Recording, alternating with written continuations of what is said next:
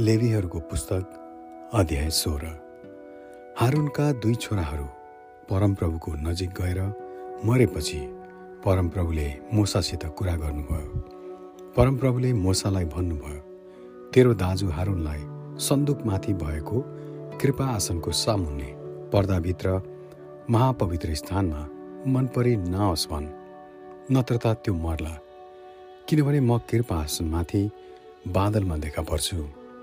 हारुन पवित्र स्थानमा यसरी बस्नुपर्छ। त्यो पाप बलिको निम्ति एउटा साँडे र होम बलिको निम्ति एउटा भेडा लिएर आओस्। सुती कपडाको पवित्र लबेदा सुती कपडाको भित्री वस्त्र सुती कपडाको पटुका र सुती कपडाको फेटा पहिरेर आओस्। ती पवित्र लुगा हुन्। यसकारण त्यसले पानीमा नुहाएर मात्र ती लगाओस्। त्यसले इजरायलीहरूको समुदायबाट पाप बलिको निम्ति दुईवटा बोका र होम बलिको निम्ति एउटा भेडा ल्याओस्। त्यसपछि हारुनले आफ्नो पाप बलिको निम्ति साँडे चढाओस् र आफ्नो र आफ्नो घरानाको निम्ति प्रायश्चित गरोस्। तब त्यसले ती दुवै बोकाहरू लिएर भेट हुने पालको ढोकामा परमप्रभुको सामुने राखिदियोस्। त्यसपछि हारुनले दुवै बोकाका मा चिट्ठा हालोस्। एउटा परमप्रभुको निम्ति र अर्को चाहिँ छाडा छोडिने बोकाको निम्ति। चिट्ठामा परमप्रभुको भागमा परेको बोका चाहिँ हारुनले नजिक ल्याएर पाप बोलीको निम्ति त्यो चढाओस्। तर चिट्टामा छाडा छोड्ने बोकाको भागमा परेको बोका चाहिँ जिउँदै परमप्रभुको सामुन्ने ल्याइयोस् र त्यसपछि त्यो प्रायश्चित गर्नलाई छाडा हुन उजाड स्थानमा पठाइयोस्। हारुनले आफ्नो पाप बलिको साँडे ल्याओस् अनि आफ्नो र आफ्नो घरानाको निम्ति प्रायश्चित गरोस्। त्यसले आफ्नो पाप बलिको निम्ति साँडे मारोस्।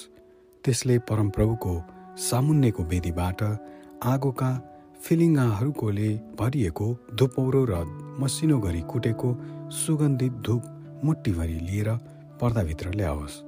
त्यसले परमप्रभुको सामुन्नेको आगोमा धुप हालोस् र धुपको धुवाले गवाईको सन्दुकमाथि भएको कृपा हासललाई छोपोस्।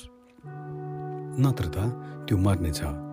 त्यसपछि त्यसले साँडेको रगतबाट केही लिएर आफ्नो औँलाले कृपा आसनमाथि छर्कोस् अनि कृपा आसनको सामुन्ने आफ्नो औँलाले त्यो रगत सातपल्ट छर्कोस्।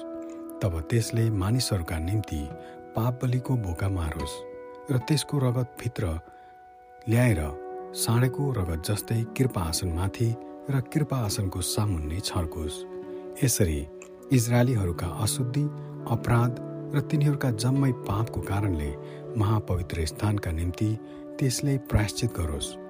तिनीहरूका अशुद्धिको बीचमा भएको भेट हुने पालको निम्ति पनि त्यसले त्यसै गरोस्। जब हारुन प्रायश्चित गर्नलाई महापवित्र स्थानमा पस्छ त्यसले आफ्नो निम्ति आफ्नो घरानाको निम्ति र इजरायलको जम्मै समुदायको निम्ति प्रायश्चित गरेर नफर्कुन्जेल भेट हुने पालमा कुनै मानिस पनि नरहोस्। तब त्यसले बाहिर वेदीमा गएर परमप्रभुको सामुन्ने त्यसको निम्ति प्रायश्चित गरोस् अनि साँडेर बोकाको रगतबाट केही लिएर वेदीका चारैतिरका सिङहरूमा लगाओस्।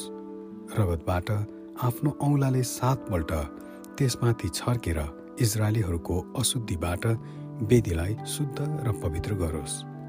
जब हारुनले महापवित्र स्थान भेट हुने पाल र वेदीको निम्ति प्रायश्चित गरिसकेको छ तब त्यसले जिउँदो बोकालाई ल्याओस् अनि हारुनले आफ्नो दुवै हात जिउँदो बोकाको टाउकोमा राखोस् र इजरायलीहरूका सारा अधर्म अपराध र पाप स्वीकार गरेर बोकाको टाउकोमाथि राखिदियोस्। त्यसले ती पापहरू बोकाको टाउकोमा राखेर त्यसलाई अघिबाट खटाइराखेको मानिसको साथ उजाड स्थानमा पठाइदियोस्।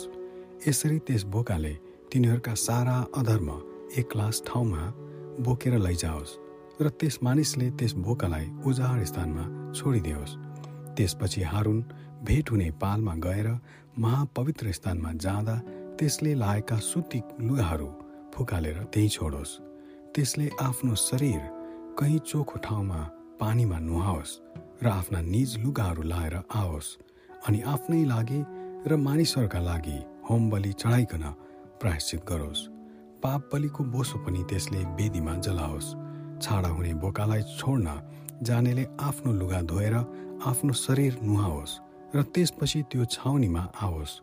रगतद्वारा प्रायश्चित गर्नलाई महापवित्र स्थानमा ल्याइएका पाप बलिका साँडे र बोका दुवैलाई छाउनीदेखि बाहिर लगेर तिनीहरूका छाला मासु र गोबर आगोमा जलाइदिनु। ती जलाउनेले आफ्नो लुगा धोएर आफ्नो शरीर नुहाओस् र त्यसपछि त्यो छाउनीमा आओस्। तिमीहरूका निम्ति यो अनन्तको विधि होस्। सातौँ महिनाको दसौँ दिनमा तिमीहरूको आफू आफूलाई इन्कार गर्नु चाहे घरमा जन्मेको होस् चाहे तिमीहरूका बीचमा बास गर्ने परदेशी होस् कसैले पनि कुनै किसिमको काम नगर्नु। किनभने त्यसै दिन तिमीहरूलाई शुद्ध पार्नलाई तिमीहरूका निम्ति प्रायश्चित गरिन्छ।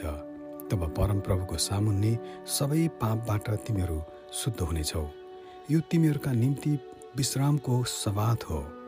तिमीहरूले आफू आफूलाई इन्कार गर्नु यो सदाको लागि एउटा आदेश हो।